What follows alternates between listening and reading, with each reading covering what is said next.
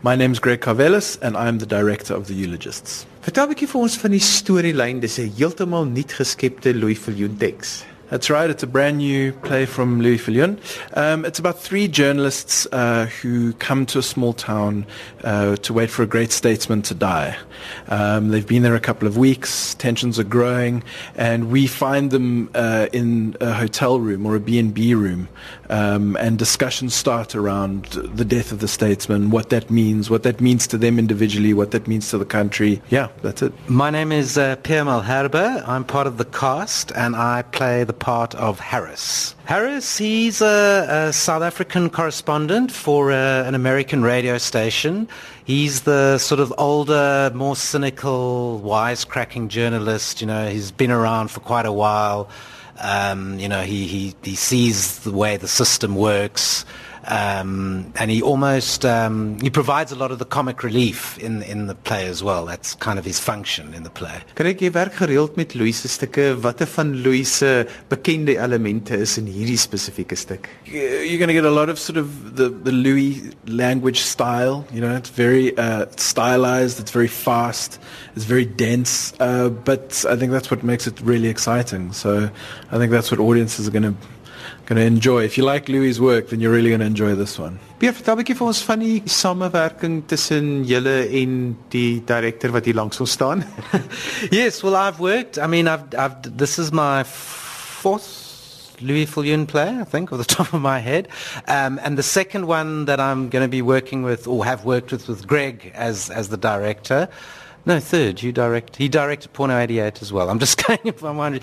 And um, so it's been great working with him again. Um, it's been uh, with Kiroshan. I've never worked with him before, so that's been fantastic. And it's always exciting to work with a new actor. And it's been great to work with Emily because um, I've, you know, I've been in quite a few productions with her, um, but we've never really done any proper scenes together. So it's quite nice. Um, uh, to be working like that and to actually do proper scenes with her. Um, and it's been a great process because, um, you know, Greg's, um, he's very, he's not a, shall we say, he's not a dictatorial director. You know, he's very open to suggestions and um, allows us to play around with the text. And, and we've spent a lot of time on the text and looking at different ways of, of interpreting the lines. And, um, and Louis also been in um, on a, a, few of the re- rehearsals to help out. Um, so it's been a very um, democratic collaboration in a way, yeah, which is which is great. So gepraat van demokraties. Hoekom hierdie spesifieke stuk nou in Suid-Afrika op hierdie tyd? Well, that's probably a question for Louis, but uh, for people that don't know, this this is his first work as the writer in residence at the Fugard Theatre, um, and I'm the resident director of the Fugard Theatre, which is really great because we're also really good friends. Um, I'm I'm not sure why we're never really sure why Louis writes what he writes. Um, you know, it always comes from a very dark kind of. natural place, you know, and, and that's what I've always found so exciting about Louis' work is he really manages to kind of look at the underbelly of what's going on, and he's not afraid to show that to us, you know, put put that on stage. Um, things in the country at the moment are crazy. Everybody knows that, um, and I think there's a real sense of kind of wondering what happened and where are we now and what does it all mean, and and and that's what the eulogist touches on.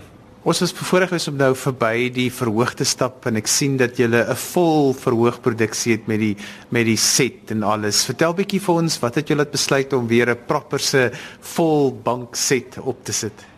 Um Louis' work lends itself to, to realism. Um, while his language might be quite stylized, the characters are very real. Um, what they speak about is very real. And for me and for Rocco Poole, the designer, um, we wanted to set this stylized Louis Viljoen language in a very realistic set. Um, Kieran um, McGregor did the lighting for us.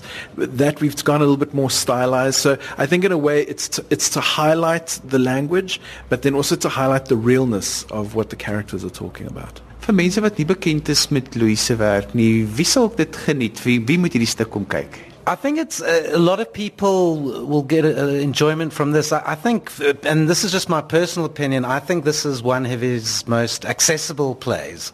Um, I think there's a, a, very strong personal story with a with a, a backdrop of a of a, a more broader political story, I suppose, if you want to call it that. Um, and I think there's there's a lot of humor as well. It's very muscular dialogue. So I think anyone you know from any age group who wants to see any kind of um, intelligent, witty, and, and thought-provoking stuff. You know, he's, I always say his, his plays, they stay with you a long time after you leave the theatre. You know, they, they, they stick around in your head. Uh, whether you want them there or not, they're, they're going to be there. And this causes, you know, great discussions and debates about his plays. Greg, laaste vraag. Louis is bekend daarvoor dat sy tekste tog die regisseur uitdaag op vele vlakke. Wat was vir jou die uitdagings om met hierdie spesifieke tekste werk? The biggest challenge I think with Louis' work is finding ways to access the dialogue because his dialogue is so dense and muscular, as Pierre said. Uh, the challenge is always to find the rhythm with the actors, find a way to present it and act it so it doesn't come across as kind of not real.